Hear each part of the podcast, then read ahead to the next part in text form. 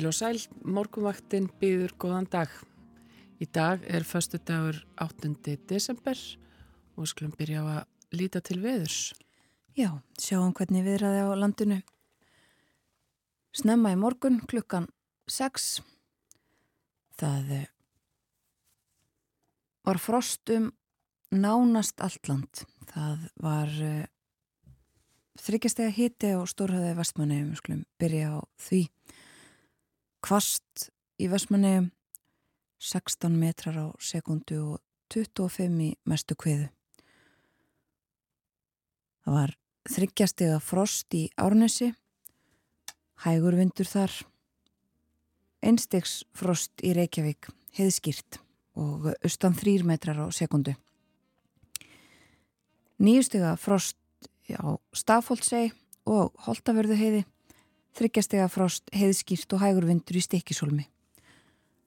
Líka þryggjastega frost á Patræksfyrði og uh, hittin við frostmarki Bólungavík, hægur vindur.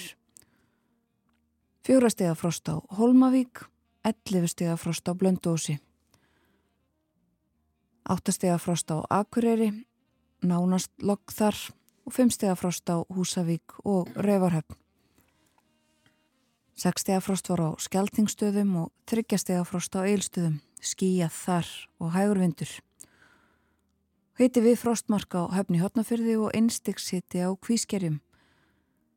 8 og 9 metrar á sekundu þar en kvassara við söð, austur og söðuströndina heldur en annar staðar á landinu. Og fjórastega frost á kirkjubæjaklustri. Kaldast á landinu var í veiðvatnarhönni 15 stega frost þar klukkan 6 í morgun. Þá er það spurningin hvernig við erum í dag og um helgina. Það verður hæg austlæg átt í dag en 8 til 15 metrar siðst. Viða létt skíjað en skíjað með köplum austan til og frost á bylinu 0 til 15 stygg kaldast á Norðurlandi. Það eru svipa veður á morgun en stöku jél við austurströndina og morgun verður hæg austlæg átt en 8 til 13 metrar síðst fram eftir degi, skíjað austan til og líkur á stök og jæljum, annars bjart að mestu. Og frost á bylinu 0 til 15 kaldast fyrir norðan. Og sunnudag þá var norðaustlæg eða breytileg átt 3 til 8 metrar á sekundu og bjart með köplum en skíjað og lítilsattar jél á Östurlandi. Hiti breytist lítið. Og svo mánudag verður hæg breytilegátt, daldil jél, við og dreif og áfram kallt í veðri. Já, og uh, það er vetrarfærð, hálka mjög víða á landinu, eitthvað þó um hálku bletti og uh, eða snjóþekju á stökustöð. Hálku blettir á leiðum víða. En uh, það er ímislegt á dagskrá morgumvaktarinnar í dag. Við ætlum að tala um tröst. Tröst uh, til stjórnvalda, uh, stjórnmálana almennt. Viktor Óri Valgarsson verður gestur okkar. Hann er nýdoktor í stjórnmálafræði og hefur skoðað þessi mál. Kristján Sigurjónsson, reittstjóri Túrista sem að, uh, er að fá nýtt nafn, verður líka með okkur. Við ætlum að tala um ferðamál og uh, svo höldum við áfram að tala um PISA, um uh, stöðu barnana. Við heyrum líka síðast að þátt átnar snævar um mannrettinda yfirlýsingu saminuðu þjóðuna. En Það komin tíma á fyrsta lag morgunvaktarinnar í dag. Það eiga, eiga Bee Gees To Love Somebody.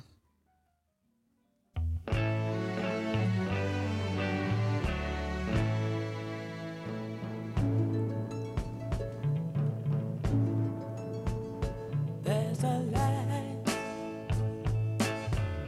a certain kind of light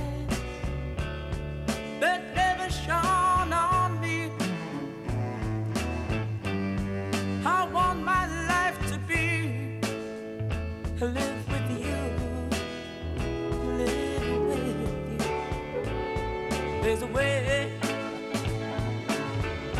Everybody say.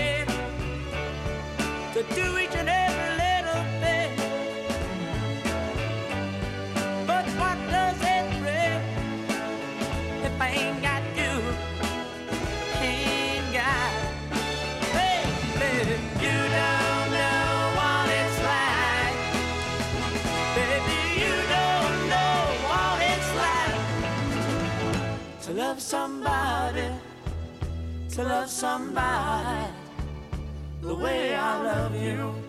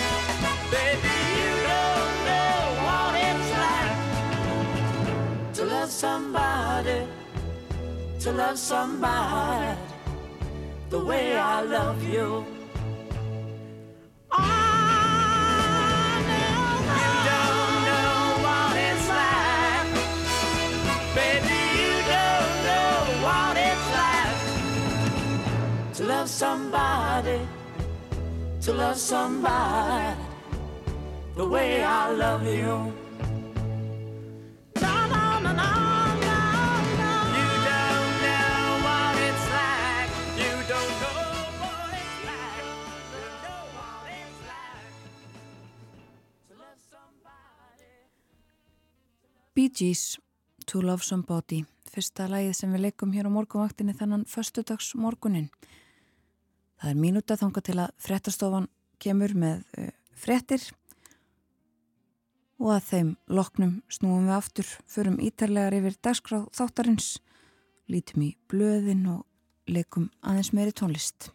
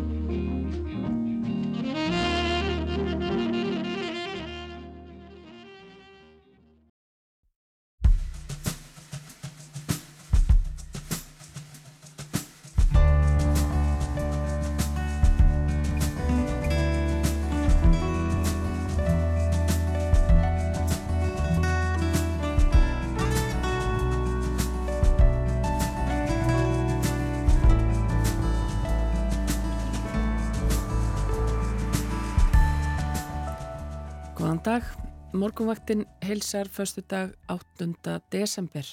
Um svona menn í dag eru Eirún Magnúsdóttir og Þórun Elisabeth Bógadóttir.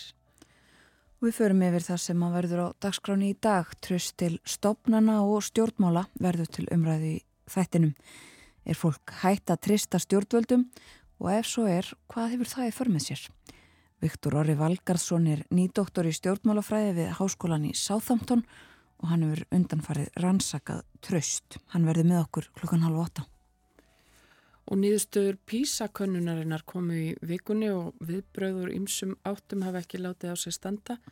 Við ætlum að halda áfram að ræða um PISA og fáum til okkar þau Brynhildi Þórarinsdóttur, rittöfund og dósent við Háskólan Akureyri og Þorvar Hafsteinsson, formann heimilis og skóla og tölum um PISA. Kristján Sigurjónsson ræðir svo ferðamál við okkur eins og yðurlega eftir morgunfrettir klukkan átta. Meðal þess sem við ræðum í dag er verkvall flugumferðastjóra og áhrif þess áformum að hefta heimagistingu og uh, sala á flugmiðum. En við lítum aðeins til veðurs. Það eru hér komnar hugleðingar veðurfræðings á veð, veðstofu Íslands og þar segir að því að það er læðasvæði suður á landinu sem veldur ustlæri átti á okkur. Strekkingi síðst en annars fremur hægum vindi. Víða létt skíð en skíð með köplum austanlands. Frost yfirleitt á bylunu 0 til 15 stig. Kaldast í innsveitum norðan heiða. Og það verða litlar breytingar á veðri um helgina, segir viðfræðingur. En að þó með búast við stök og jæljum austan til og svo lægir smám saman við söðuströndina.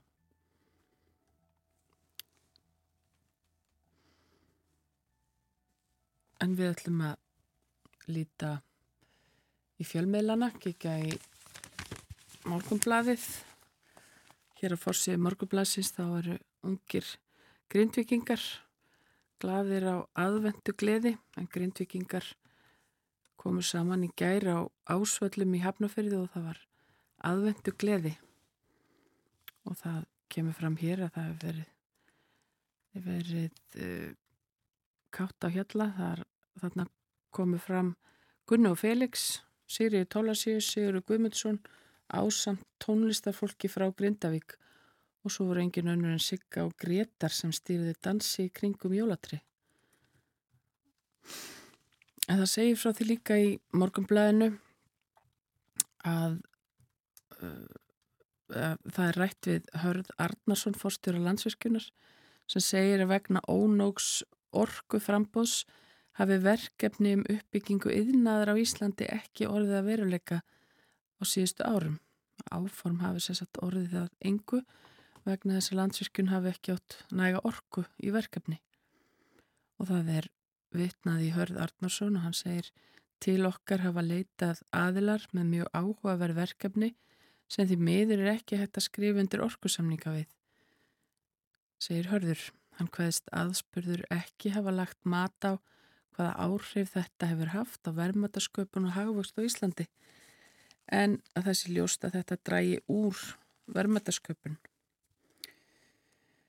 En það er líka fjallaðum niðurstöðunar í písakönnunni á fórsíðu morgublassis og þar er uh, frétt um niðurstöðunar uh, sem satt deilt, deilt neyður á skóla að hér á landi er eru þær ekki gefnar upp þannig að hver skóli getur ekki fengið upplýsingar um sína niðurstöðu heldur eru aðeins gefnar upp hildar niðurstöður og mann greinir á um hvort að eigi að byrta þetta, byrta sérst skólunum sína niðurstöðu.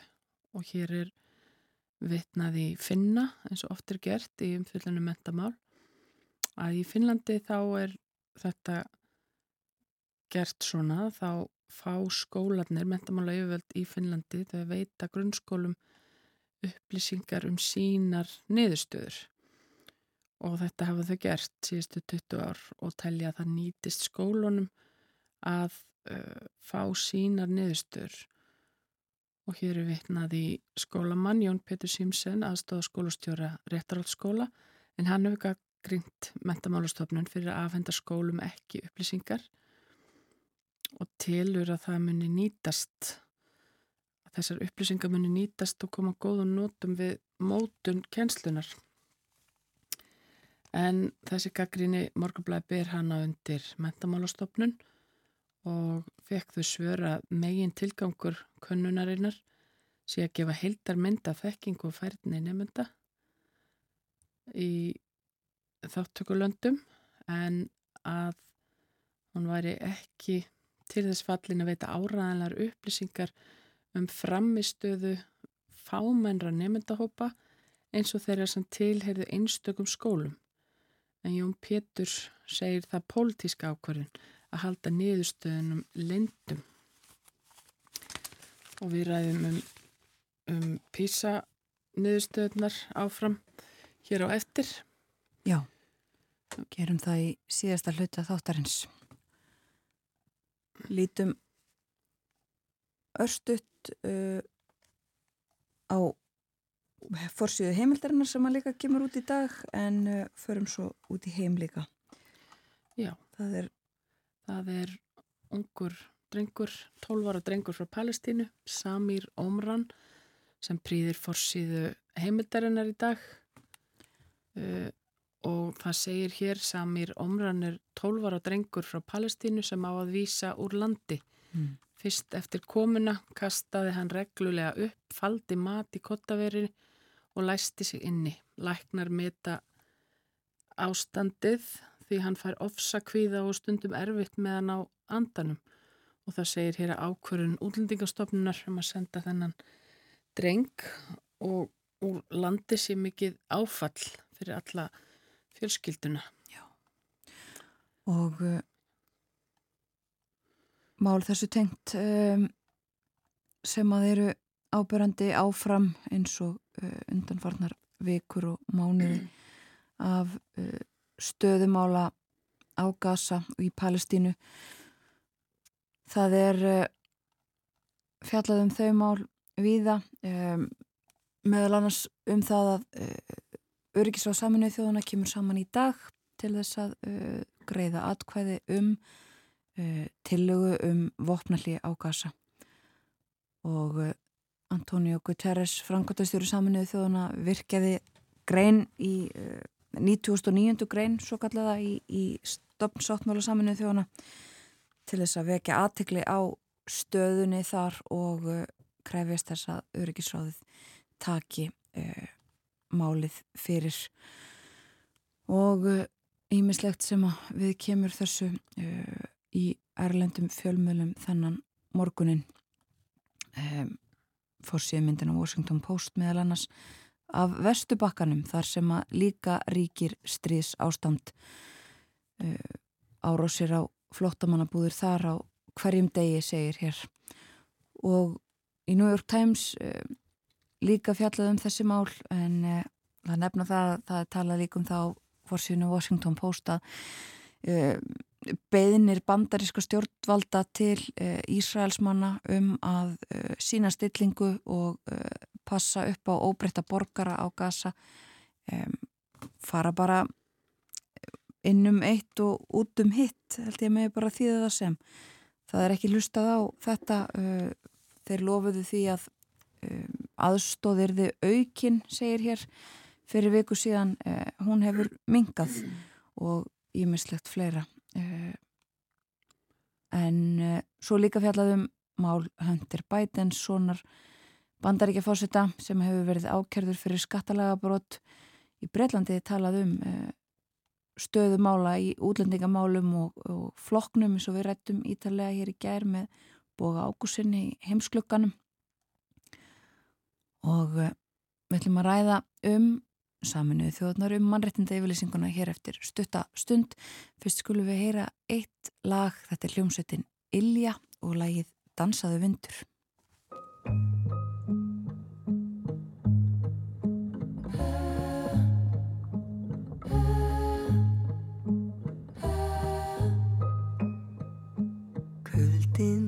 Hann kemur um jólin með kolsvarta skugga. Krakkarnir kúra í skjóli hjá kerti í glugga. Vindur, já dansaðu vindur er vetur og kvöldi gefa nýjan þrótt Vindur, já dansaðu vindur, vertu á sveimum kalda jólanótt.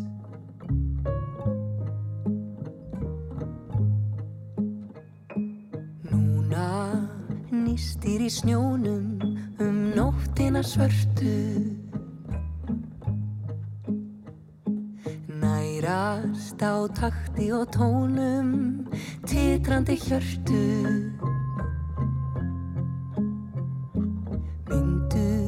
Já dansaðu vindur Er vetur og kuldi gefa nýjan þrótt Vindur, já dansaðu vindur, verdu og sveimum kalda jólanótt.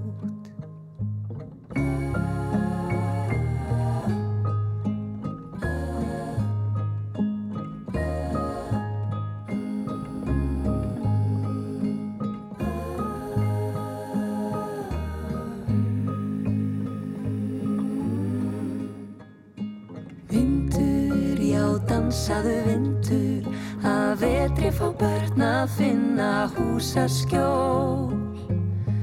Vindur, já dansaðu vindur, vetur er færir börnum heilu jól.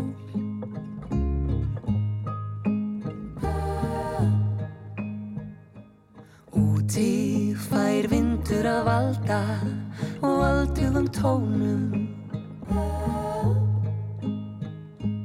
Núna nötrar af kulda nóttin í snjónum. Vindur, já dansaðu vindur er vetur og kuldi gefa nýjan þrótt Vindur, já dansaðu vindur vertu og sveimum kalda jólanótt. Vindur, já dansaðu vindur að vetri fá börn að finna húsaskjól Vindur, já dansaðu vindur vetur er færir börnum heilu jól Vetur er færir börnum heilu jól Hljómsveitin Ilja. Dansaðu vindur heitir þetta lag. Þekktara kannski í öðrum búningi. En uh, við höfum undarfarna daga hlustað á Átna Snævar upplýsingafulltrúa hjá Saminuðu þjóðunum. Uh, tala um mannrettinda yfirlýsingu Saminuðu þjóðuna. Hún var samþygt 10. desember árið 1948 og því er 75 ára ammali hennar fagnað nú á sunnudag. Guðni T. H. Jóhannesson, fórseti Íslands, hefur líst því yfir að hann telli mannrettinda yfirlýsinguna grundvöld samfélagsins og í síðasta pistli átnasnævar þá uh, ræðir hann við fórseta Íslands. Góðan dag. Við höldum áfram að fjallaðum mannrettinda yfirlýsinguna og næst ræðum við við Guðna T. H. Jóhannesson, fórseta Íslands, sem lísti yfir þegar hann bauð sér fram til embættisins í fyrsta skipti að hann hafi haldið upp á mannrettindasáttbóla saminuð þjóðuna fremur en trú á einn Guð. Að mannrettinda yfirlýsingir sé jafnvel hluti á þenni lífskoðun? Já, því ekki. Hver maður er borin frjáls, jafn öðrum að virðingu og réttnundum, menn eru getur vitsmunum og samvinsku og ber að breyta bróðulega hverjum við annan. Einhver tíman uh, lagði þetta minnið og uh, uh, finnst þessi grundvöllur samfélags eins góður og hver annar. Nú er kannski þýðingin á íslensku orðin önnur en þetta er svo grunnur sem ég hygg að fólki sé holdt að standa á. Eh, hefur mann þetta yfirlýsingin eða á hún en þá erindi við? Já, að sjálfsögðu. Uh, hún er grunnur síðaðs uh, samfélags. Uh, sami grunnur og í trúabröðum ef út í það er farið. Allt sem þið viljið að aðri gjöri yður, það skulle þér og þeim gjöra, segir í, í, í helgu bók og sama bóðskap má finna í fjölmörgum öðrum trúabröðum. Þannig að mannréttinda yfirlýsingin sver sig í ætt við þennan náunga kærleik og ég myndi segja að, að allt fólk sem vil koma vel fram við annað fólk og vill að koma sér vel fram við sig eigi að geta e, stutt mannréttinda yfirlýsingu saminuðu þaðan. Hún er auðvitað vilja yfirlýsing, hún er ekki meitluð í stein, hún er ekki Eh, lög eh, hins alþjóðlega samfélags sem viðurlög eru við en hún er eins konar stjórnarskrá uh, alþjóða samfélagsins Þú vitnaður í fyrstu setninguna fyrstu málsgreinuna og hún er alltaf hljómar á sig líkt og mannetenda yfirlýsing fransku byltingarinnar eða hún getur verið frá bandaríkjörnum og svo framvegis. Eru, eru þetta kannski of vestræn gildi sem þarna eru á ferðin? Já, nú skal ég ekki segja, ég myndi vona og ætla að þau séu af því tægi að eh, bæði valdhafar og almenningur um víða veröld geti fallist á hana en auðvitað er það svo að þegar eh, mannréttinda yfirlýsingin er samin að þá eru vestur veldin í öndvegi í alþjóðasamfélaginu eh, og Sovjetríkin sálugu þar með auðvitað. En eh, ásinn norður-suður eh, er líka til staðar í heims samfélaginu og eh, á þessum tímapunkti er auðvitað staðan svo að, að nýlendu veldin eru enn á þeim stað að, að ráða og það tók áratvíina eftir það fyrir eh, ríki víðum heima losnundan því okki þannig að hver veit kannski hefði mannréttindi yfirlýsingin orðið uh, einhvern veginn á annan veg uh, ef hún hefði verið uh, samin og samþygt segjum 20-30 áratugum síðar en, en að því sögðu þá er grunnurinn þarna til staðar og er þess eðlis að við eigum öll að geta fallist á hann Svo má kannski velta fyrir sér hverju megi bæta við núna og, einmitt eins og í aðra hvort, hvort þessi grunnur hefði orðið öðruvísu og einhvern átt. Þegar mannreitenda yfirlýsingin var tekin saman og samþygt voru aðeldaríki saminuð þjóðana 58 en eru í dag 193. Flækjustíð var hátt árið 1948 og jafnvel enn harra í dag 75 árum síðar. Því vakna svo spurning hvort hægt sé að hugsa sér að mannreitenda yfirlýsingir er samþygt í dag og ef svo, hvaða ný sjónamið kemur til sögunar? Það er búið að samþykja til dæmis að vatnsíðu mannreitindi, þetta var umhverfi, var það serðu fyrir að það var eitthvað á þeim grunni? Til dæmis, já. Ég get ímynda mér að ef uh, fulltrúar ríkja heims myndu vilja setjast niður núna og semja nýja mannréttinda yfirlýsingu eða endurskoðana í, í hérna öllu sínu eðli þá myndi bætast við ákvæði um rétt fólks til vassjá, rétt fólks til heilnæms umhverfis, bann við því að fólk geti hagnýtt sér náttúruna þannig að annað fólk býði skafa af þetta gæti verið ein viðbótin eða Eh, bann við mengun og þarfram eittu guttunum. Aðrir þættir hugsanlega sem lúta kynneigð, ástfrelsi, kannski ástfrelsi ætti heima í mannréttinda yfirlýsingunum. Réttindi fatlaðsfólks, þau eru ekki ábyrjandi í mannréttinda yfirlýsingunni Eh, eflaust er þið þeim gert hærru undir höfði nú til dags þannig að eh, auðvitað má halda því fram að eh, svona sáttmáli eins og aðrir sáttmálar sem eru mannana verk standist tímans tönn geti gert það en þurfi jafnvel endur skoðuna við eftir því sem samfélag okkar breytist og þróast og við verðum, gerum okkur betur grein fyrir því að, að mannréttindi eru algild og eh, má aldrei skerða en eftir því sem eh, samfélagi breytist og þróast má vel vera að, að við viljum bæta hínu og þessu við og leggja áherslu á eitt stað sem var kannski ekki ábyrjandi áður. Að síðustu, er ástæðilega áhyggjur af, af ástandi mannreitnenda í heiminum í dag? Já, eins og uh, fólk sér og heyrir þegar það les og sér fréttir utan úr hinnum stóra heimi þá er svo sannlega ástæða til þess að hafa áhyggjur en um leið ekki ástæða til þess að eh, óttast að allt sé að fara á allra versta veg og því síður að við höfum ekki uh, uh, gengið til góðs uh, þeim fjölgar sem betur fer stífælt í heiminum sem búa við grundvallar mannréttindi sem áður voru ekki öllum gefin. Réttur til mentunar, réttur til ferðafrelsis, réttur til þess að láta sína drauma rætast, eh, réttur til að eh, njóta lífsgæða sem alls ekki voru öllum gefin áður. eh, heimurinn hefur batnað að þessu leiti.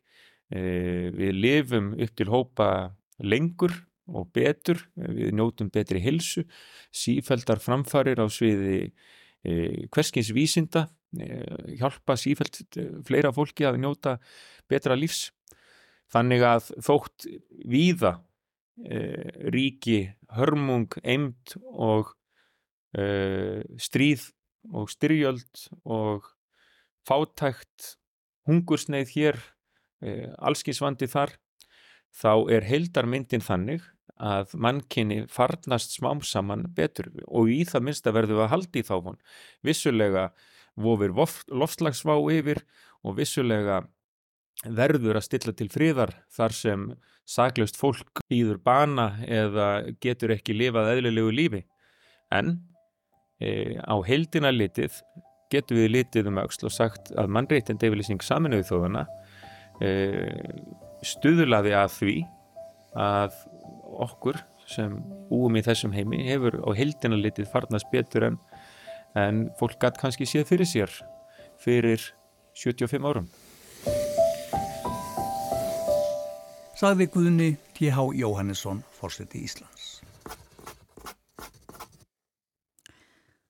Þetta var síðasti örþáttur átna snævarum mannréttinda yfirlýsingu saminuðu þjóðana sem að eh, verður 75 ára á sunnudag 10.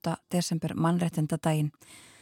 Það verður rægt að nálgast alla pislana hans átna snævar uh, á vefnum okkar síður í dag.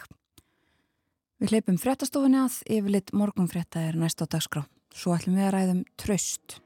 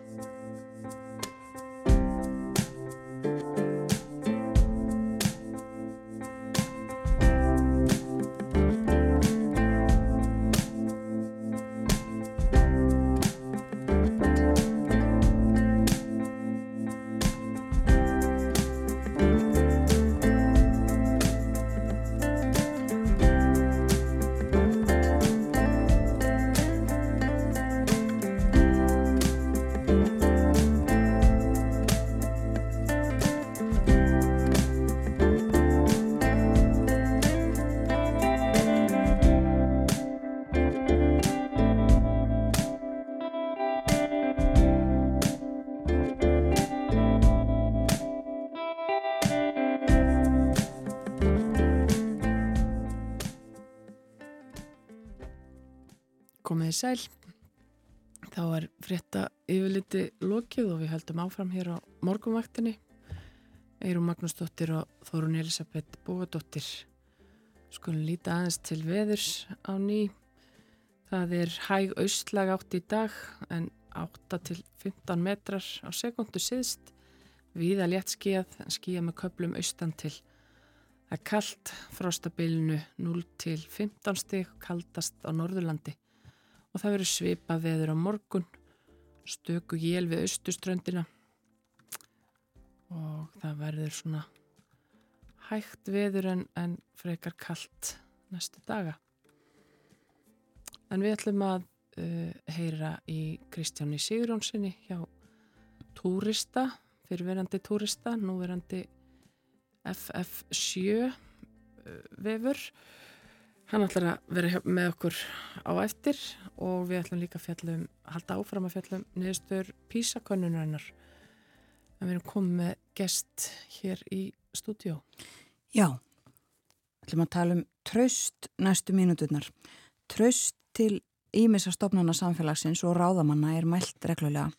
Þá er fólk spurt hversu mikið eða lítið tröst það ber til stofnunar eða tiltekins ráðamanns.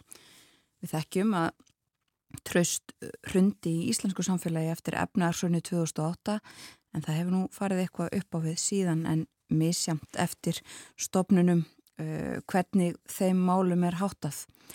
Viktor Orri Valgarsson, nýdoktor í stjórnmálafræði við háskólan í Southampton er komin til okkar en hann hefur undanferðin ár rannsakað tröst í stjórnmálum ekki síst velkomin á morgunvaktina. Takk fyrir.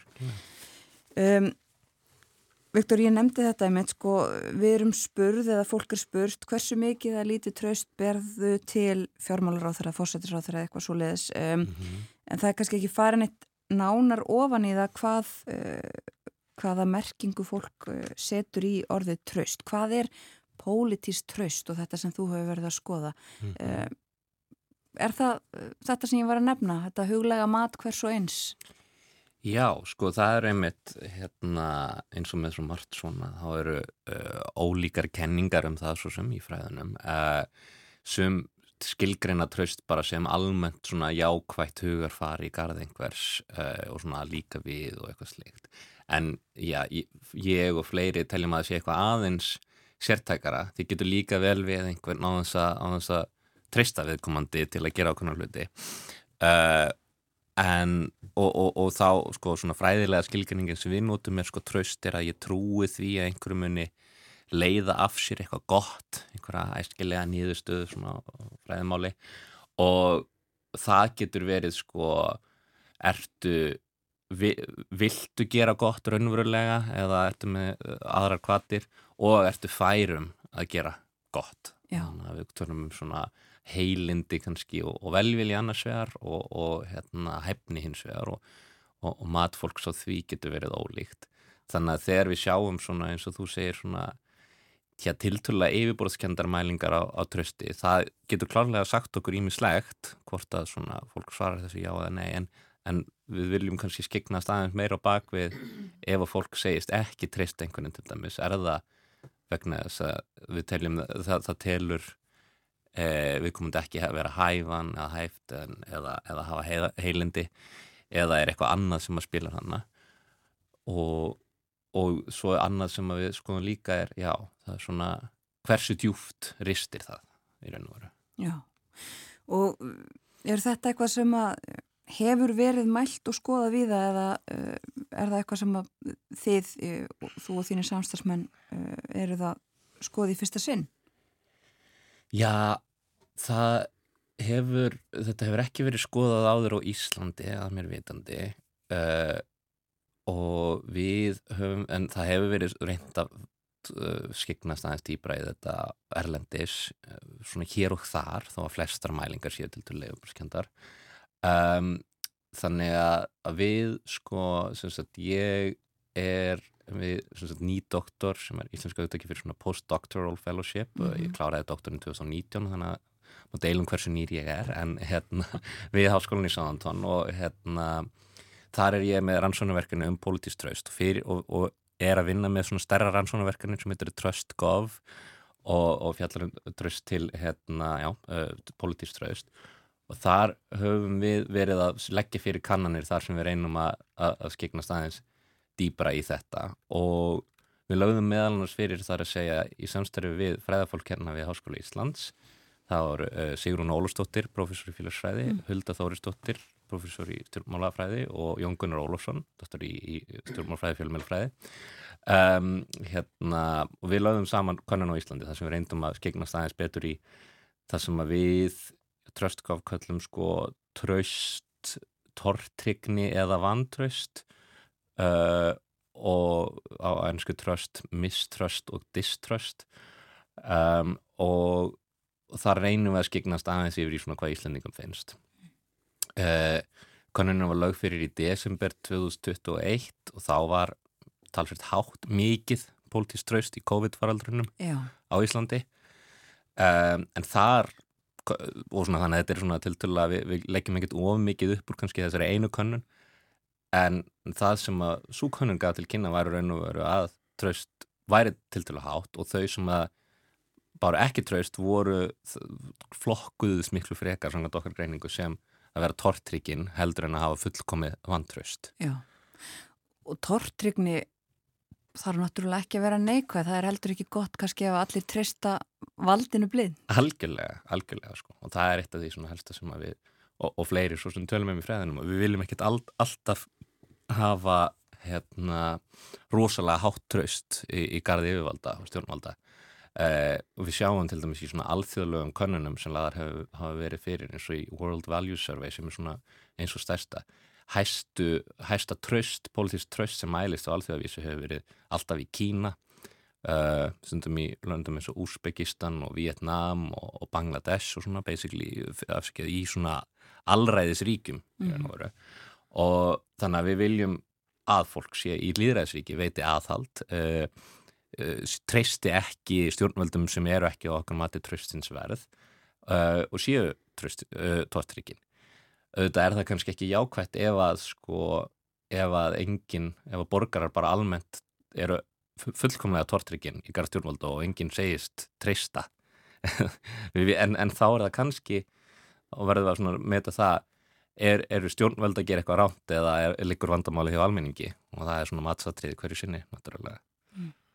En eru einhver tengsl á milli mælinga og trösti og svo fylgis í kostningum? Hafa tröstsmælingar eitthvað, eitthvað svona fórsporgildi? Eh, já, sko það, það sem ég hef kannski helst skoðað er hérna tengsltrösts og, og stjórnmála þáttöku og kjörsóknar til dæmis og allt sem ég sko allar vinnur ansvörnir og ég byrta aðeins að því benda til að það sé mjög sterkt, uh, sterk fylgni á milli þess að treysta alþingi ríkistuninu og, og mæta og kjörsta. Þannig að það uh, klárlega verist hafa mikið að segja þar. Svo er kostningahefðin en ég sjálfur ekki rannsaka það mikið persónulega en, en ég séð svona mikið á gögnunum og, og rannsóknum á því. Og það allt sem ég séð bendir til að einmitt sko þau sem að hérna treysta minna eru mun líkleri til að kjósa svona andkerfisflokka sem við kallum svona populíska flokka ímist til vinstri eða hægri oftar til hægri. Og við sáum það til dæmis bara í Hollandi núna bara í síðustu viku var það ekki. Uh, hérna þá var mjög svona óvendur sigur populíska uh, Gert Wilders mm -hmm. og, og hérna ég, ég, það var fólk sem að kjósundur sem að treystu mun minna sem að kausu hann, sá ég. Og það getur náttúrulega haft mikil áhrif sko, mm. þannig að á bara stjórnmálinn og líðræðis líðræðislegt stjórnarfar í landinu. Já, það er mitt kannski leður okkur að því að það eru þetta e, tölur umræða og, og bara áhyggjur af stöðu líðræðis viða. Það eru bara mitt and líðræðislegir flokkar kallaðir sem hafa náð fótfestu mjög viða og þú nefnir Holland fyrir skömmu, það er líka já, bara skamt síðan að Donald Trump fyrirverandi og mögulega verðandi fórsýti bandaríkina um, tók ekkit illa í spurningar um það hvort hann er þið sko einræðisherra, hann er það allavega kannski eitthvað smá tíma að einhverju leiti og uh, við höfum Brexit, við höfum Trump, ja. við höfum einmitt uh, kostningaúslit miklu víðar um, er, ég bara, hver er staðan þarna? Er, er, eru þessar áhyggjur algjörlega réttmættar af því að uh, hver þróunin er eða er þetta ofmælt þessi, uh, þessar áhyggjur? Mm, kannski stundum ofmælt en, klár, en klárlega réttmættar myndi ég segja sko það er samt áhugavert að skoða þegar maður fer í literatúrina hérna síðan sko það var uh, fræk skísla sem kom út 1975 um að líðræði væri í, í krísu mm -hmm. og hérna e, lengi verið talað um það og náttúrulega stöðut síðan í akademínu þannig að fólk hefur alltaf áhyggjur af því að líðræði sé í, í krísu. En mælingar á sko líðræðislegum stjórnarháttum hafa til dæmis sínt að þeim hafi rakað í mörgum ríkjum og hún nefndi nokkur þeirra undanfannin ár. Og, og það er sjálfsögðu ágefni fyrir okkur sem aðhyllumst líðræði og sko það virðist vera, það er náttúrulega áhugavert að það hefur verið farið í mælingar og að því að það hefur líka verið spurt um í konunum sko uh, hvort að fólk aðhyllist líðræði og líðræðisleg gildi og styðji líðræði eða vilji fá hérna, einhvers konar einræði eða alræðistjórn og þar heldur fólk áfram bara langstærstur meiri hluti fólks að styðja við líðræðisleg gildi og vilja, segjast ekki vilja eh, einhvers konar harðstjórn. Uh, og það er ekkert farið mingandi í neinum mælingu sem ég séð þannig að eins og því sjáum við kannski svona í umræðinni uh, þau sem að styðja Trump eða, eða Gert Wilders þau segja stiðja líðræði þau, mm. vilja, þau gera það af því þau stiðja líðræði segja þau sko. Þannig að þetta er svona allavega líðræði í orði. En svo verður sem að allavega þetta, að, að fólk sem treystir minna sé hins vegar tilbúinara til að kjósa stjórnmála leiðtóa og stjórnmála flokka sem að brjóta á svona leikreglum réttaríkisins og líðræðislegs stjórnarfars. Og ein tilgáta sem við erum með um það er að sko ef að þú vantreistir fullkomlega öllum í stjórnmálum þú heldur að það sé þau séu öll spilt og, og brjóti öll á, á leikreglunum og svona. Þá ertu kannski tilbúinari til einhvern sem segist, sem gerir það auðlustlega en þú fílar á öðru leiti. Þannig að ef þú heldur að það eru hvort sem er öll hérna spilt, þannig ég kýs einhvern sem er með, með mér í liði og gerir það sama við þau þannig að, þetta getur svona grafið undan líðræðinu, jáfnvel þó að fólk styðji það svona í í hérna í orði allavega sko. Já, þetta er eina uh, tilgáttunum hjá okkur en mm -hmm. langar líka mitt að fara eins yfir þetta sko, hvaða afleðingar það hefur ef að, ef að fólk almennt uh, hættir að treysta uh, veit ekki, sko, er hægt að tala um stjórnmálamenn og stopnarnir í, í sömu andrá eða er kannski munur þarna á? Stopnarnir eru þetta kannski svolítið annað heldur en stjórnmálin bara. Algjörlega, algjörlega sko, það er hérna mjög áhugavert. Við skoðum mælingar gallup á trösti til stopnarna á Íslandi þá uh, mingaði sko tröst til alþingis auðvitað rapaði verulega ærhuninni svo nefndir og, og hefur verið til að látt síðan. En tröst til dómskerfisins hefur haldist alveg stöðugt í raun og veru uh, tröst til lauruglunar verðist að fara upp á við ef eitthvað er uh, þannig að það er ekki þannig á Íslandi og, og, og að Íslandi að fólk vantristi bara öllum stopnunum stjórnvalda almennt svona upp til hópa og, og þetta er eitt sem við erum að sjá í bara rannsóknum sem við erum að vinna í núna á alþjóðavísu er þetta sama upp á teiningnum sko. þannig að það eru fyrst og fremst þessar þessar pólitísku innan gesalappa stopnarnir uh, sko uh, þing, löggefa þing uh, ríkistjórnir og stjórnmálaflokkar og stjórnmálafólk sem er að glata trösti almenningsfyrst vera við það og það og, og, og það er einmitt stundum samt fólk ber almennt kannski meira tröst til þingsins sem slíks sem stopnunar heldur en til stjórnmála fólks almennt.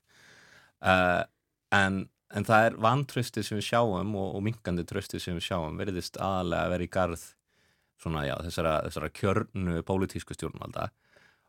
Og já það er svona hérna eins og við höfum talað um það er heilbrikt að hafa ákveðna tortrygni mm -hmm. í þeirra garð.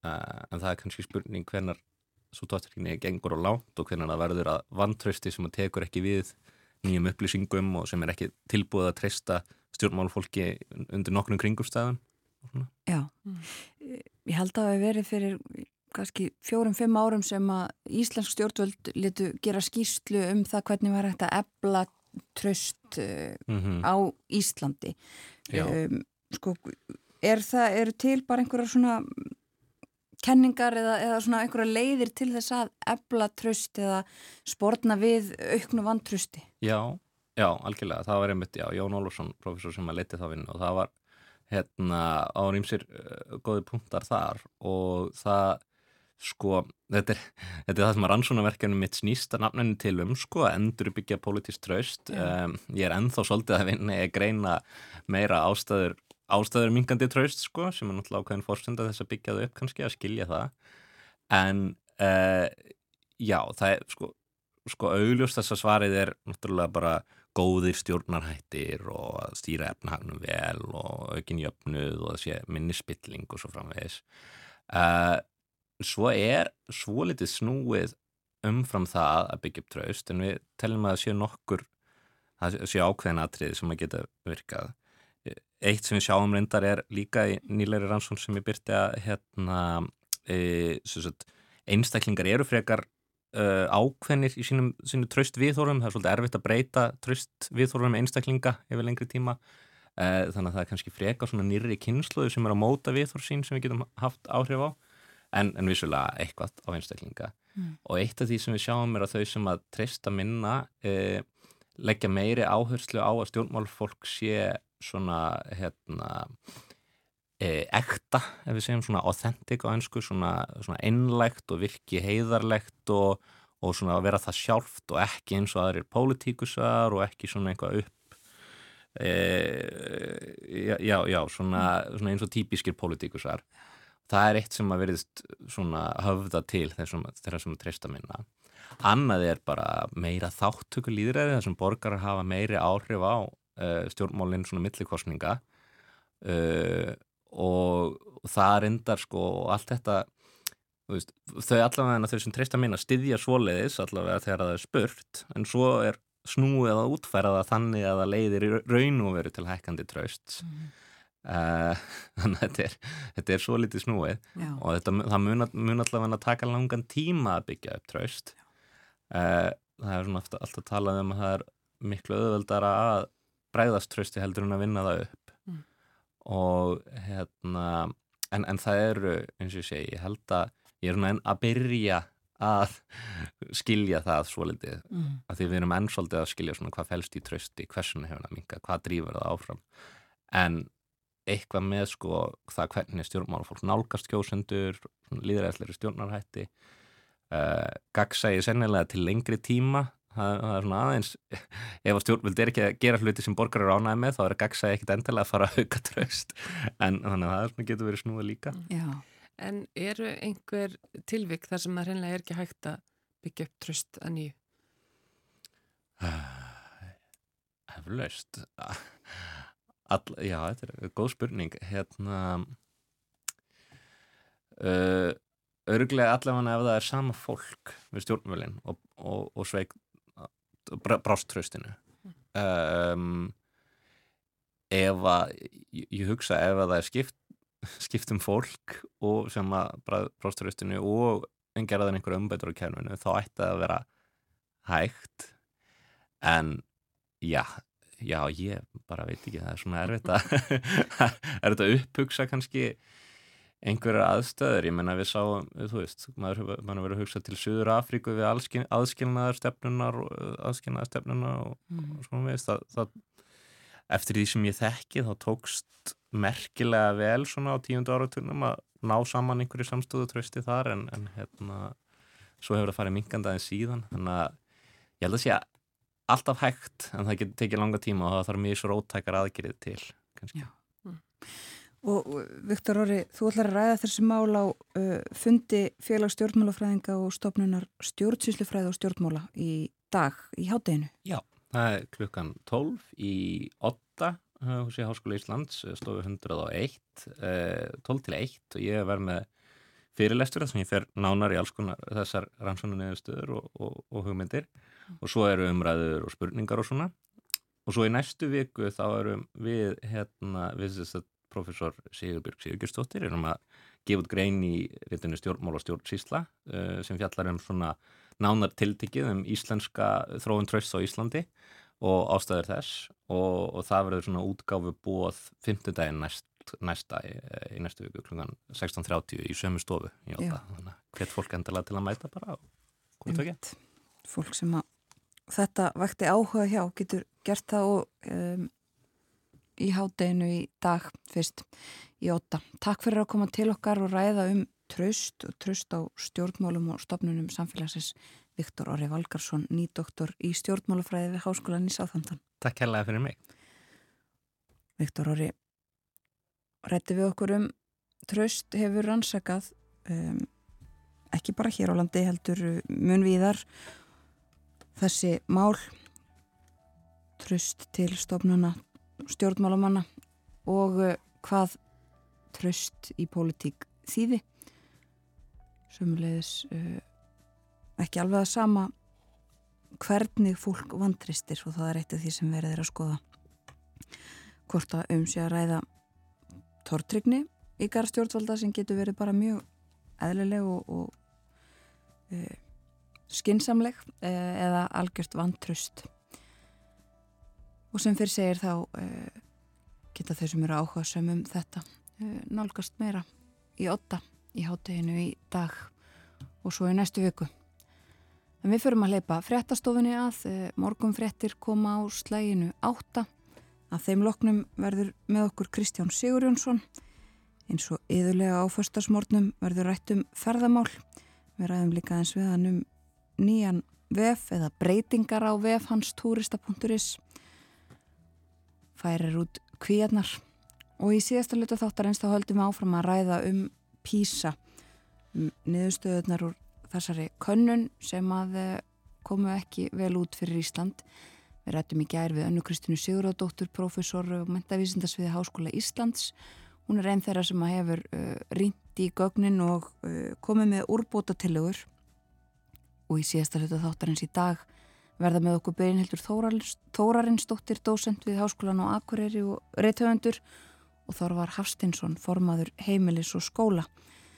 Tölum nánar um þessi mál upp úr klukkan hálf nýju en sem fyrir segir fréttir næstar á dagskrá morgunvaktarinnar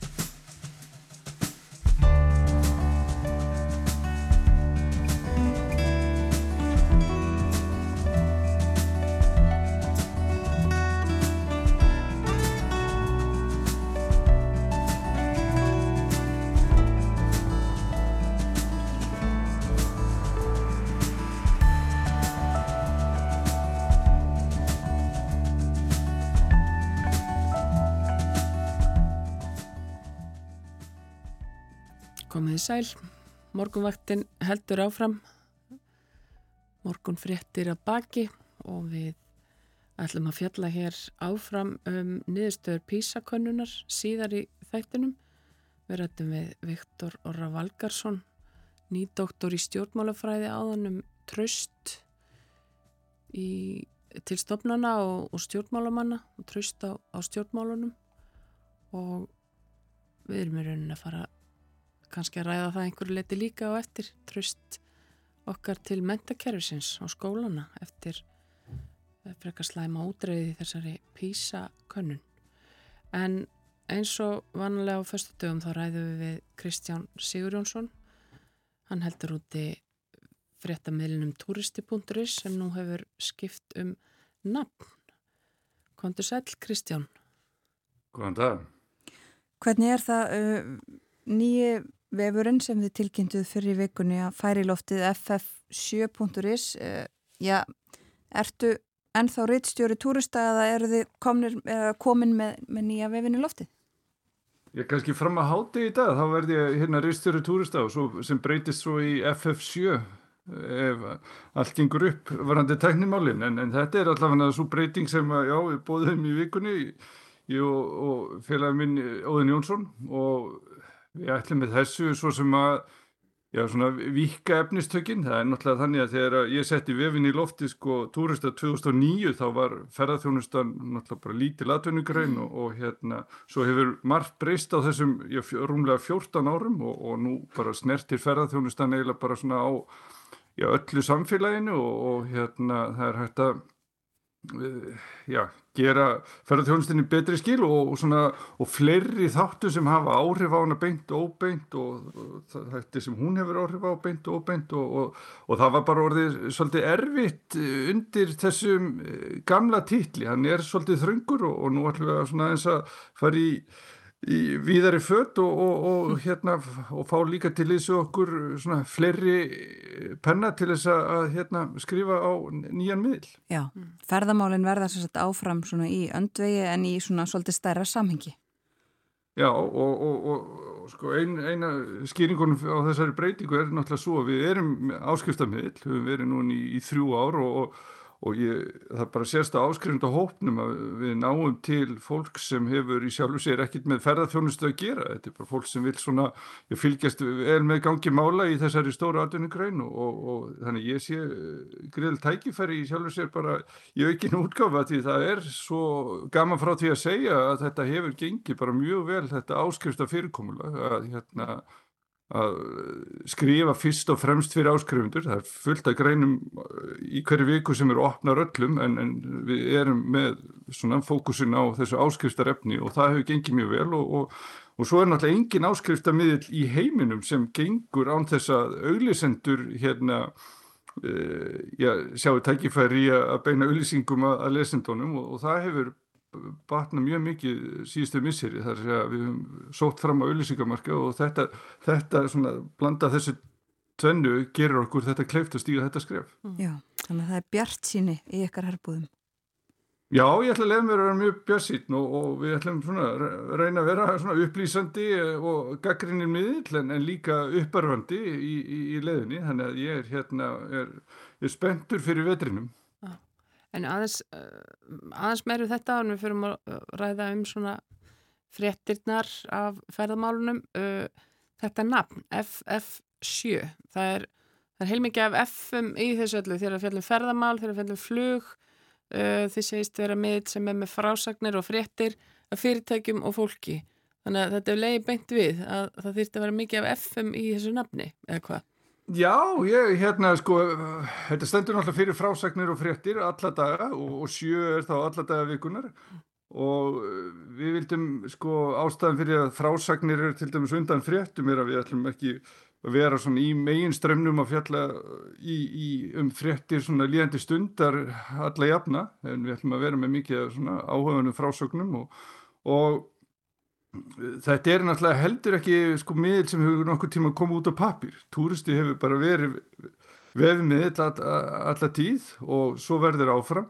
Þannig að við erum í sjálfur sér ekki bundin að því að vera eitthvað blad eða Já þess að það, ég meina það hefði verið gaman að heita dagur eða tímin, það hefði búið að nota þau heiti og, og, og svo fannst, fannst okkur bara flest þau heiti sem vorum að máta við þetta bara að vera svolítið skólablaðaleg, svo ég sé nú alveg heðlega með það, þannig að og þetta er svona svolítið nýmóðins heiti og mér heyrist uh, fólk líka bara að taka það nokkuð vel, það er óvinnilegt og fólk, já maður, veristu mun eftir því, það er allavega ég, FF7 verður vonandi bara eitthvað sem að hérna verður einfalt fyrir fólk að munna. Já, við óskum ykkur góðs gengi svo til hamingju með þetta. Já, en, en það hefur verið bóðað uh, til verkvalls hjá flugumfyrastjórum í næstu viku og það hefur verið fjallasvöldið um það. Uh, flugumfyrastjórar ekki kattir með viðbröð samtaka aðtunulífsins sem að segist alltaf, eða frangvöldstjóri samtakana segist alltaf að gefa um kartublu í skóin. Hvernig, já, já, hvað heldur að gerist næst? Já, sko, íslenski flugumferðarstjórar er ekki þeir einu sem hérna hafa farið í verkvall að þessu ári, er að segja ef það kemur til verkvalls, við fjallaðum verkvall flugumferðarstjóra í, í Fraklandi, það er til dæmis árlegur viðburður í, í mæ að þeir leggja niður störf uh, þegar umferðin eru þingjast til og frá Fraklandi og verkvall þeirra í Fraklandi hafa til dæmis áhrif á allt yfir flug, það er að segja flugvelar sem eru á leðinni frá Breitlandi til Ítalíu, þær þurfa að fara sveig í kringum landið til þess að hérna, komast á áfokastað. Þetta verkvall á keflæguflugvelli ef að verður mun bara hafa áhrif á sagt, flug til og frá keflæguflugvelli þannig að þóttunni sem fljúa yfir landi það, það breytist ekkit þar. En hérna þetta er náttúrulega slæm tímasetning í, í sjálfu sér eins og kannski fórsvarsfólk hverja þjónustunnar og flugfélagana hefur að benda á. Þarna er í næstu viku umf jólaumferðin að hefjast og, og margir á leðinni til Íslands búa 45.000 ísleitingar í útlandum og, og einhver hluti þeirra ætlar sennilega til Íslands yfir jólinn. Þannig að þetta er, já, vissilega ekki góð þróun en, en, en En þetta er verkvælsrétturinn verður ekki að fólki tekinn og, og svo við verðum að sjá hver, hver framöndan verður sko varðandi flugumferðarstjórn bæðið á Íslandi út í heimi það er til dæmis verið gríðalegu skortur á flugumferðarstjórnum í bandaríkjónum sem hefur komið niður á flugumferð þar.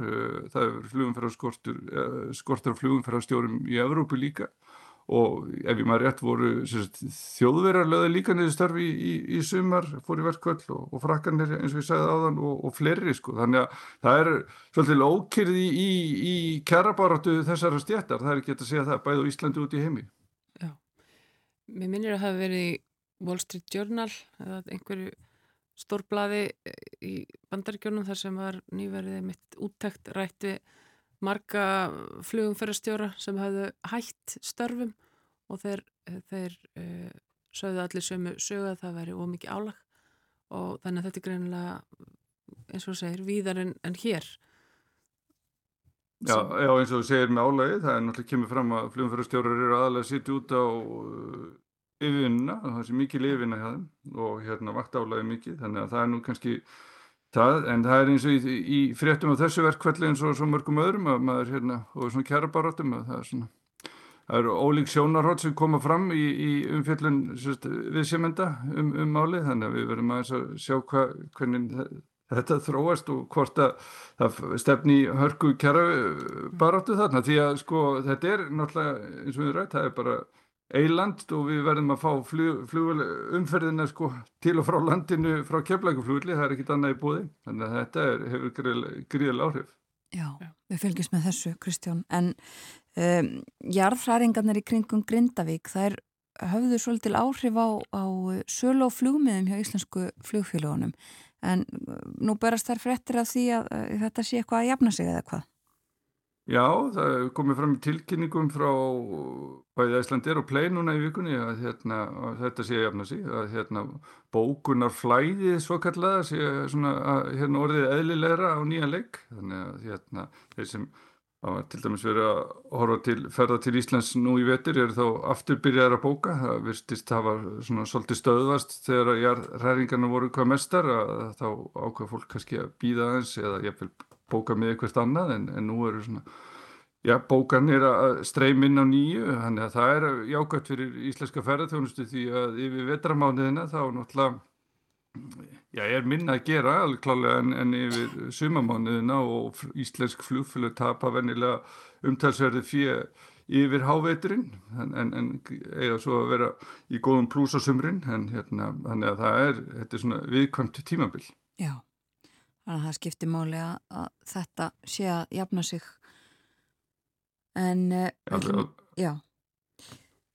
en við ætlum í síðasta hluta spjálsokkar hér, uh, Kristján, að tala um heimagistingu. Það er nú uh, algengt umræðefni hjá okkur, heimagistingin hér á Íslandi og það, já, þú rakst augunni það tókst eftir því að samfélkingin bóðar nú svona einhvern kjara pakka, kjara bætur og meðal þess að þar kemur fram er að það eigi að koma stjórn á heimagistingu. Er þetta útskýrt eitthvað nánar hvernig, nánar hvernig þessi flokkur sér fyrir sér að koma böndum á heimagistingu? Nei, það var auðvitað ekki skýrt nánar en, en ég fekk þau svör, frá formannir flokksins, Kristján Frostadóttur, að, að það er meðal annars þarna hort til þess að vinda ofan að þessari skekki sem hefur verið í, í í samkjöfnistuðu heimagistaringar og, og skráðrargistingar þar sé að það er ekki svona gistinátt að gjald á heimagistingunni en, en það verður núna að hækka verulega gistinátt að gjaldið á, á hótelum og gistiheimilum og, og tjálstæðum þannig að mm. það þurfi að breyta þessu og, og svo hérna þurfi að vera meira eftirlit með þessari heimagistingu sem er óskráð, það er stór hluti af þeim sem er að selja gistingu til dæmis á Airbnb er ekki með neinn leifi, það er þrátt fyrir að það hafi í mörg ár verið allast til þess að þeir sem er að bjóða heimagistingu myndi, myndi skrána hjá síslumanni þá er alveg klárt að það eru ja, vel yfir helmingur þeirra sem eru með þessa gistingu í bóði eru ekki með hann að skráða og eru þar að lendi, já ekki greiða neinn opibur gjöld að þessu í sjálfur sér. Það hefur náttúrulega verið ringað eða svona voru settur rammi um hversu marga dagum átti leiði út og, og samfélkíkinu er svolítið að gaggrina þann ramma sem var settur svona 2018 Já. og, og svo en uh, formaður samfélkingarinn segir að þetta eru sko ekki breytingar sem sko verður ráðist í 1, 2 og 3 og án nokkurs fyrirvara heldur þurfið þetta svona hafa að hafa sinn tíma þannig að við erum kannski ekki að sjá að, að hérna að allt þetta húsnæði sem fer núna undir ferðamenn verði einmitt nýtt fyrir heimamenn bara uh, á, já, á morgun sko. Þetta eru breytingar sem taka langa tíma en, en, en þetta verður áhugast að fylgjast með framvindu sko, þessara rumræði því að hún er náttúrulega verða töluvert önnu núna en hún hefur lengi verið eins og við höfum talað um í New York þar sem að borgaríðuvöld hafa sett Airbnb mjög þrengar skorður og, og, og það hefur haft í árið að það hefur dreyið verulega úr frambóðu og heimagistingu í, í, í fyrir Stórborg. Mm. En er nóg af gistingu eins og til dæmis bara á Íslandi ef að heimagistingunni verða settar uh, þrengri skorður? Er nóg af annari gistingu? Nei, það var einmitt það sem ég einmitt spurði stum líka sko, því að það er svo við rættum bara í, í síðasta þætti að þá er sko heimagistingin með, já, alltaf svona 15-20% hlut, það er að segja á, hortið til gistin átt á útlendinga á Íslandi, það var svona 15 hver nótt í heimagistingu. Og uh, það í, í svari formar samfélkingarnar þá er svona hortið þess að ef það verði þrengri skorður um heimagistinguna þá geti myndast aukinn kvati til uppbyggingar á hótelum og, og, og kannski atvinnu húsnæði sem er þá sérstaklega já, skipulagt með heimagistingu í huga. Þannig að það er það að koma móti. En, en, en það er alveg ljósta að hérna, stór hluti afkasta getur íslenska ferðarþjónustu byggir einmitt á heimagistingun og ekki síst út á, út á landi. Já, einmitt það. Takk fyrir spjallið í dag Kristján Sigurjónsson, rittstjóri já, túrista til hátegis og FF7 þar á eftir. Takk fyrir í dag. Vonu það. Takk sem leiðis.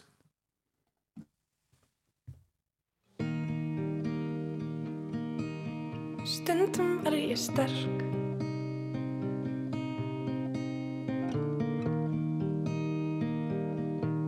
Og stundum get ég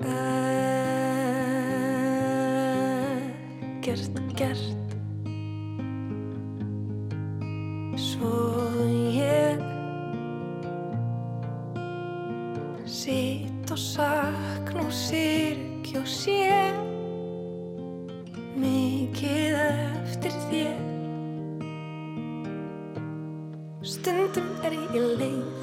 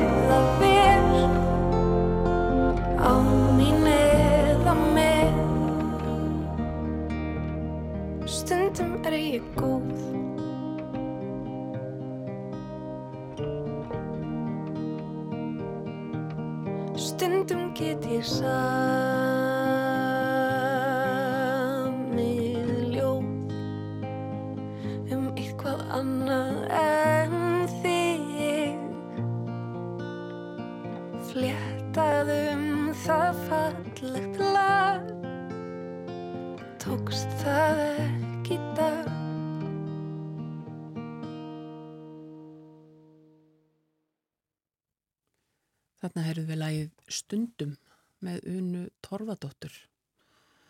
En við ætlum að halda áfram að ræða niðurstöður úr PISA-könnunni. Niðurstöður PISA úr, úr PISA koma á þryggjára fresti og það er yfirleitt mikil umræða sem fylgir í kjölfarið, sitt sínist hverjum. en við fáum til okkar eh, þau Brynhildi Þórunarsdóttur, dósent við Háskólan á Akureyri og Rítönd og Þorvar Hafstensson, formann heimilis og skóla. Þau koma hinga til okkar um klukkan halv nýju en nú líður að frétta yfirliti.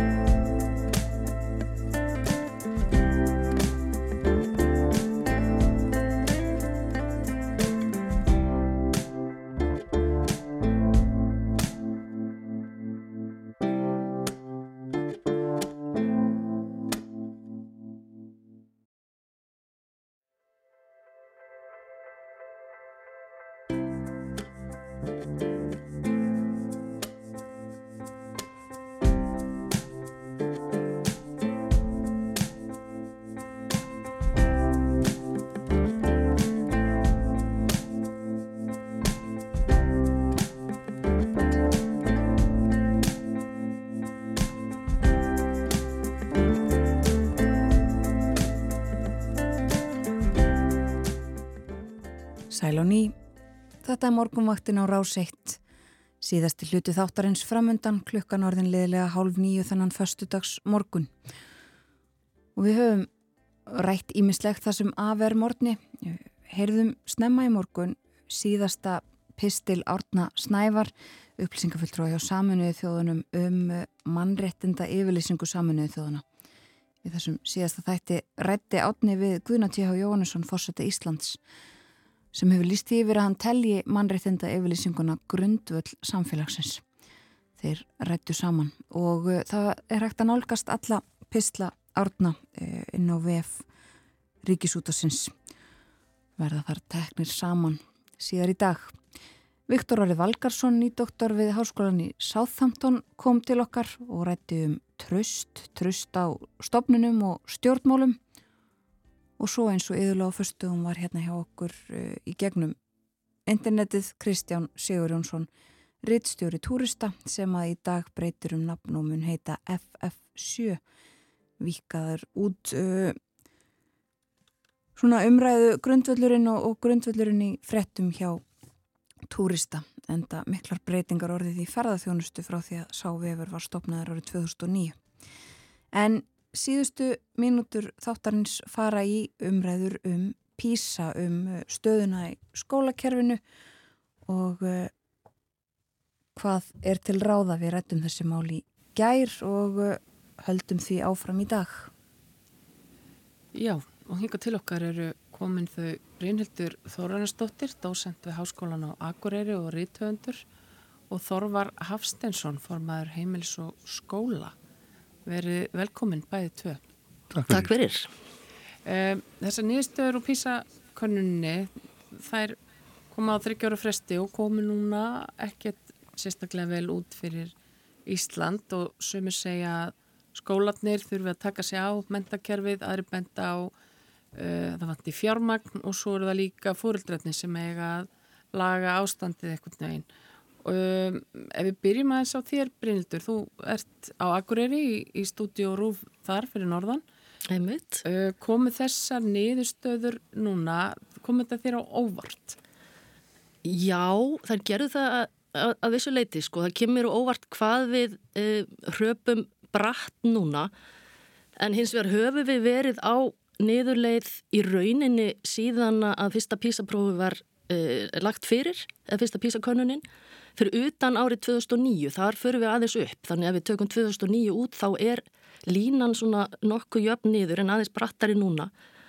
Og það sem að kemur manni hins vegar minnst á óvart eru viðbröðin og, og mér langar bara fyrst hef tækifæri til þess að, að svona byggja fólka aðeins um að róa sig svona í garð badnana því að ég held að það sem að sko það versta sem við gerum er að að fara á stað með upprópanir um ólæs börn og, og hérna drengi sem lesa sér ekki til gags. Það er fátt sem sko hefur dreyið eins mikið úr uh, lestri eða lestrar ánægi batna eins og þess að stöðugu upprópanir um að þau get ekki lesið eða, eða vilja ekki lesa. Þannig að það er eiginlega svona það sem kemur manni minnst á óvart í þessum, þessum niðurstöðum en, en það kemur líka óvart í þessum niðurstöðum hvað krökkunum líður vel í skólanum svona í könnu sem er lögð fyrir beint ofan í COVID. Og það er alveg hlutir í þessu sem við getum verið stolt af.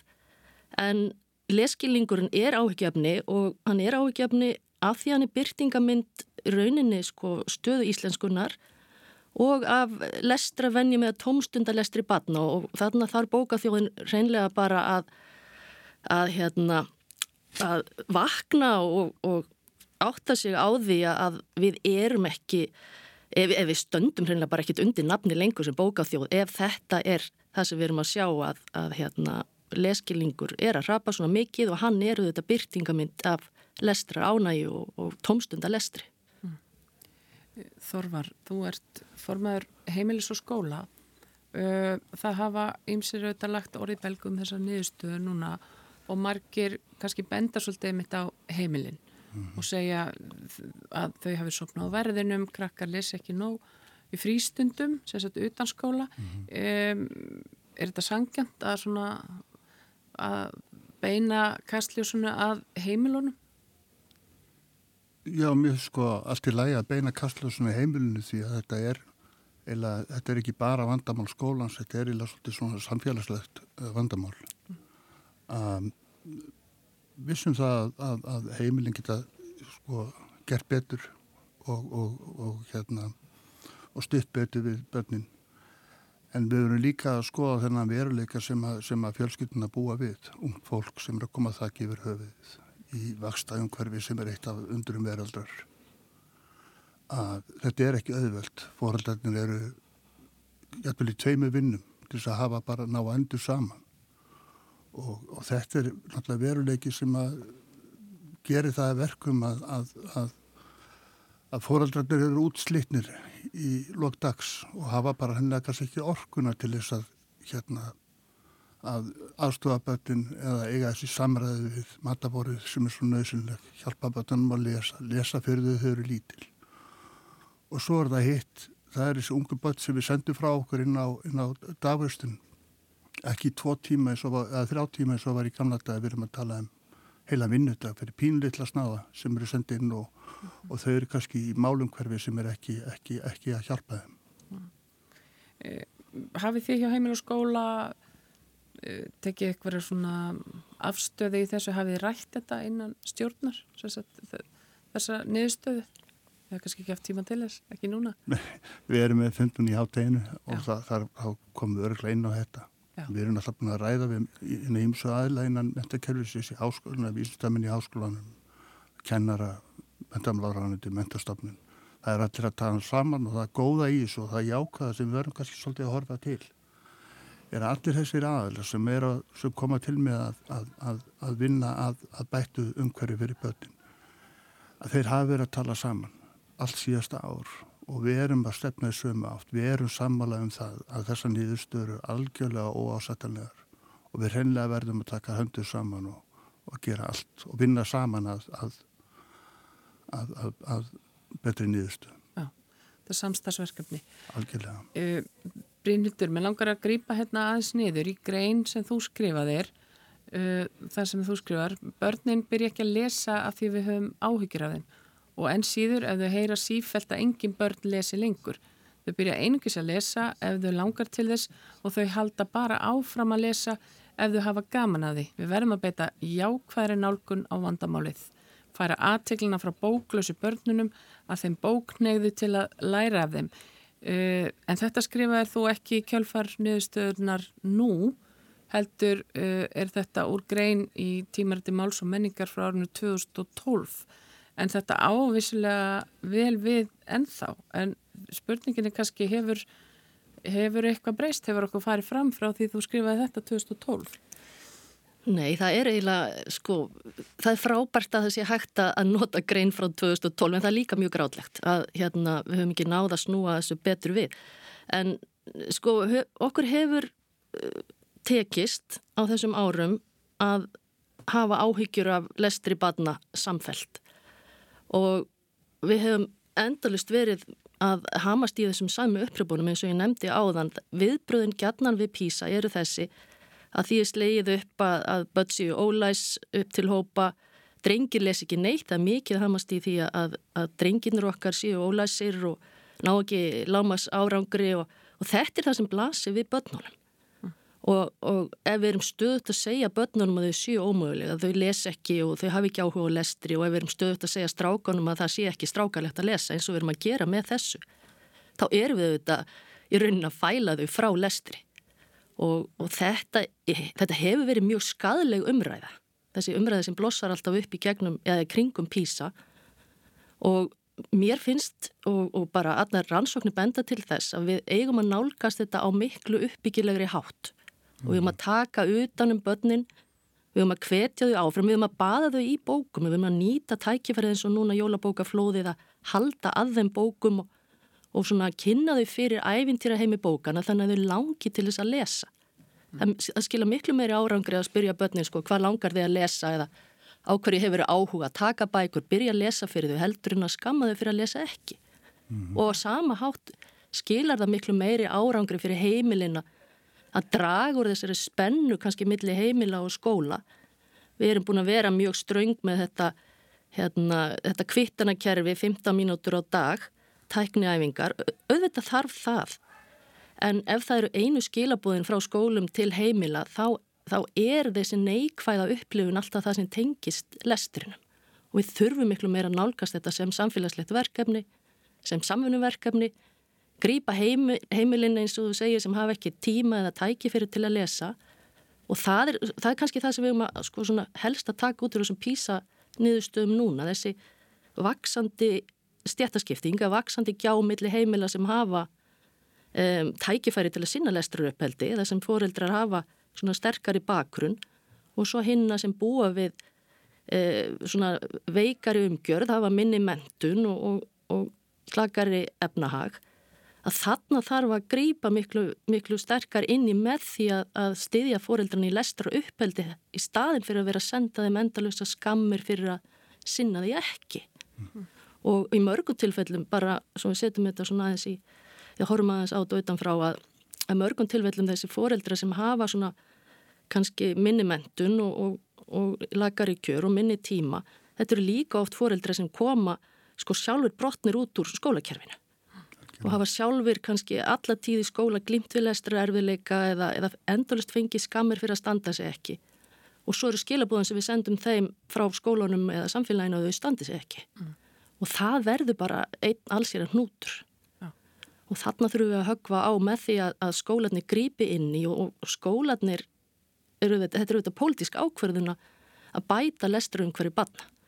Og, og svo pólitísk ákverðin er ekki bara tekin í mentamáluránættinu, hún tekir líka á sveitastjórnastíðinu með því að, að hérna, veita fér til skólasamlana og, og það er bara alveg gríðalegu munur á því hvort að sveitastjórnir skilji sko, þátt skólasafnuna sem jöfnunatækist sem ættu að geta keift inn bækur sko í, ég segjum bara í tonnatali til þess að baða börnin í bókum eh, sko sérstaklega þau sem hafi ekki bóklæstur heima hjá sér eða hvort við erum með sveitastjórnir sem að sko eru kannski í samfélögum þar sem að, mentun og, og bókmenning standi ekki eins sterkum e, á einn sterkum stóðum mm.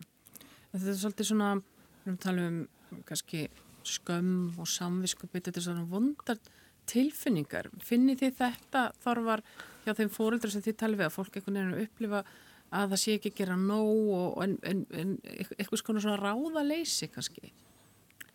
Já, ég held ég geti alveg sagt það að, að, að hérna, maður upplifið það. Og, og hérna og um, eins og Brynildi kemur inn á þetta með, með bækurnar og, og, og frambóð á, á góðum bókmöndum og aðgengi barnana að spennandi bókmöndum að þið finni bækur við sitt hæfi þetta sé skemmtilegt að við tölum myndu upp. Það er gífilega mikilvægt og mér finnst það sko eitt af því sem við fóröldar þurfum kannski að, að reyna að gera meira er þessi kvartning og, og, og umræða og, og leifa krökkunum, láta þeim sínaði fram á gildi þess gildi mentunur og mikilvægi þess að lesa og hvaða hvaða gefur tilbaka mm. það finnst mér mjög mikilvægt og að öðru leiti geti tekið bara heilsugarundi þar sem að brínildi kemur inn og þetta með mismöndi stöðu heimilina og hvernig við verðum að nálgast það og, og, og grýpa inn í það sem þessi þarf því að það eru það eru fóraldrar hérna úti sem eru bara í, í stökustu vandræðum með lestur sjálf og þar alveg eru þeir ekki farað aðstofa bönnin sín. Og hitt sem Brynildur kemur inn á það er þessi umræða að við verðum líka, ég er svo samanlega því að við þurfum svolítið að passa upp á bönnin þetta En er eitthvað sem að samtökin eh, heimil og skóli myndu sérstaklega vilja sjá að væri gert til að styðja við heimilin og fóröldra?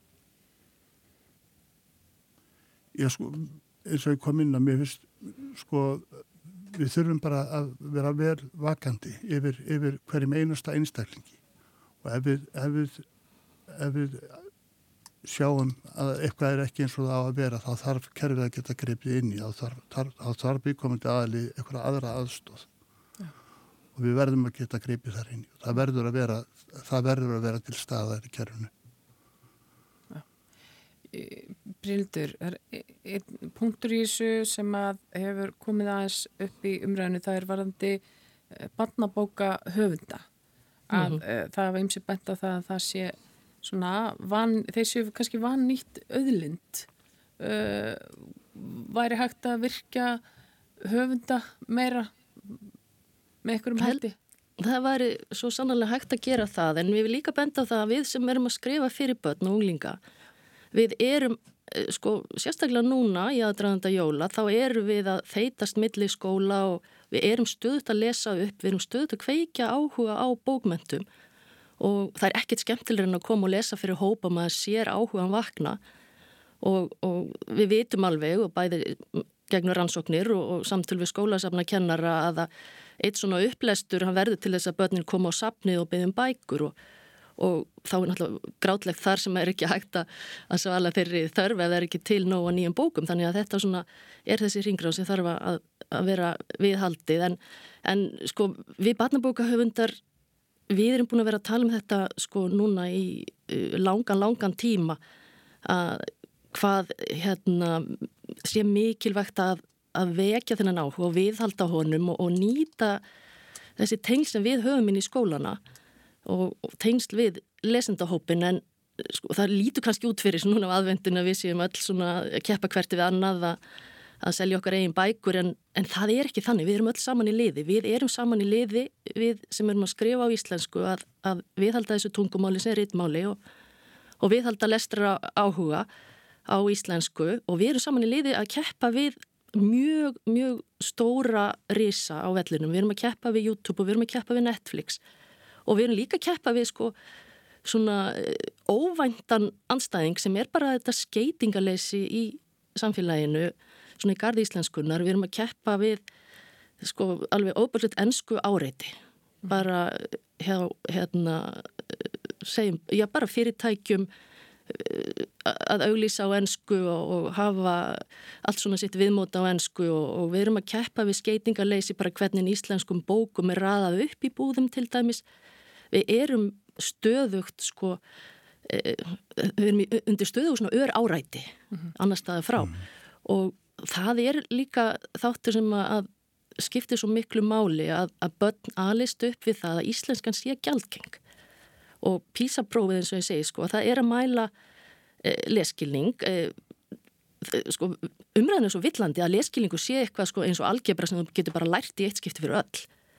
Þegar við mælum leskilning erum við bara að mæla hversu við lesin börnin eru, hvað þau hafa lesið mikið því að þau, þau sem hafa lesið mikið, hafa lestrar áhuga og, og ánægjafa lestri, þau eru alveg svona geta verið alveg einu og hálfu skólar og undan eða, eða herri í prófunu en hinn sem ekki lesa. Mm -hmm. vegna þess að þau geta sett hluti í samhengi, dreyið álíktanir og lesið á milli línana þannig að við erum að mæla eh, hversu mikið börnin hafa lesið, við verum að mæla orðaforða. Og þess vegna þurfa þau svo mikið sko á íslensku samtali og bókum að halda úr öllum áttum. Og, og, og auðvitað getur við barnabóka höfundar aðstofa við það, svo sannarlega. Já. Ég veist líka í þessu sambandi að, að hérna að því að sko, skólabókarsögnin þau hafa svolítið áttundur högg að sækja, ekki bæðins og breynildi kemur inn og það er, það er sko það er alltaf vöndun og góðum bókum, spenndi bókum fyrir unga krakka.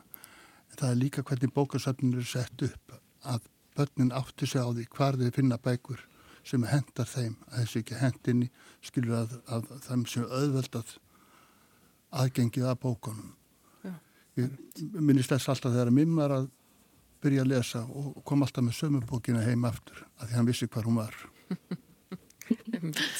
Og það er kannski bara ef maður grýpa þetta með skólasöfnum bara svo við klárum það að einn punktur í þessu að það sem við vitum á rannsóknum að gera börna áhuga sem er lesandum er að þau hafi fengið lestaruppeldi heima, það séu bækur heima, lesandi fyrirmyndir og sé farið með börnin á staði eða svona í, það sem að bókmentir eru til staðar, það sé farið með á bókasapn, bókabúðir og svona reynda að ræða við þau um, um bókmentir.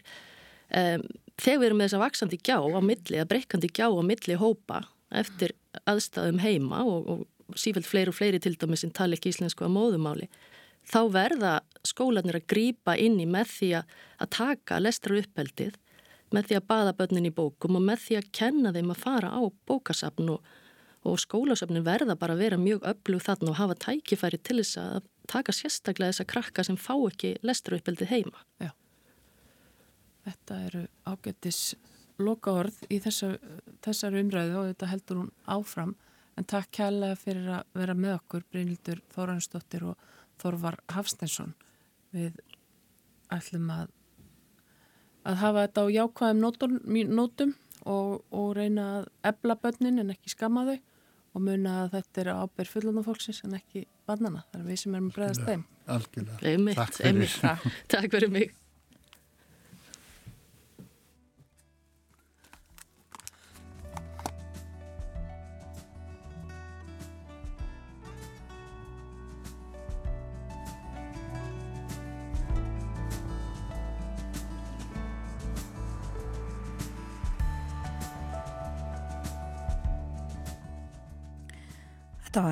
síðasta viðtalið á morgunvaktinni þannan morgunin og þessa vikuna.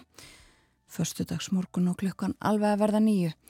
Það nefna það áðurna við uh, hverjum að uh, það er þingfundur og alþingi í dag. Það er uh, óvanalegt á förstudugum og til marksum það að þingið er að komast kannski smá tímaþröng.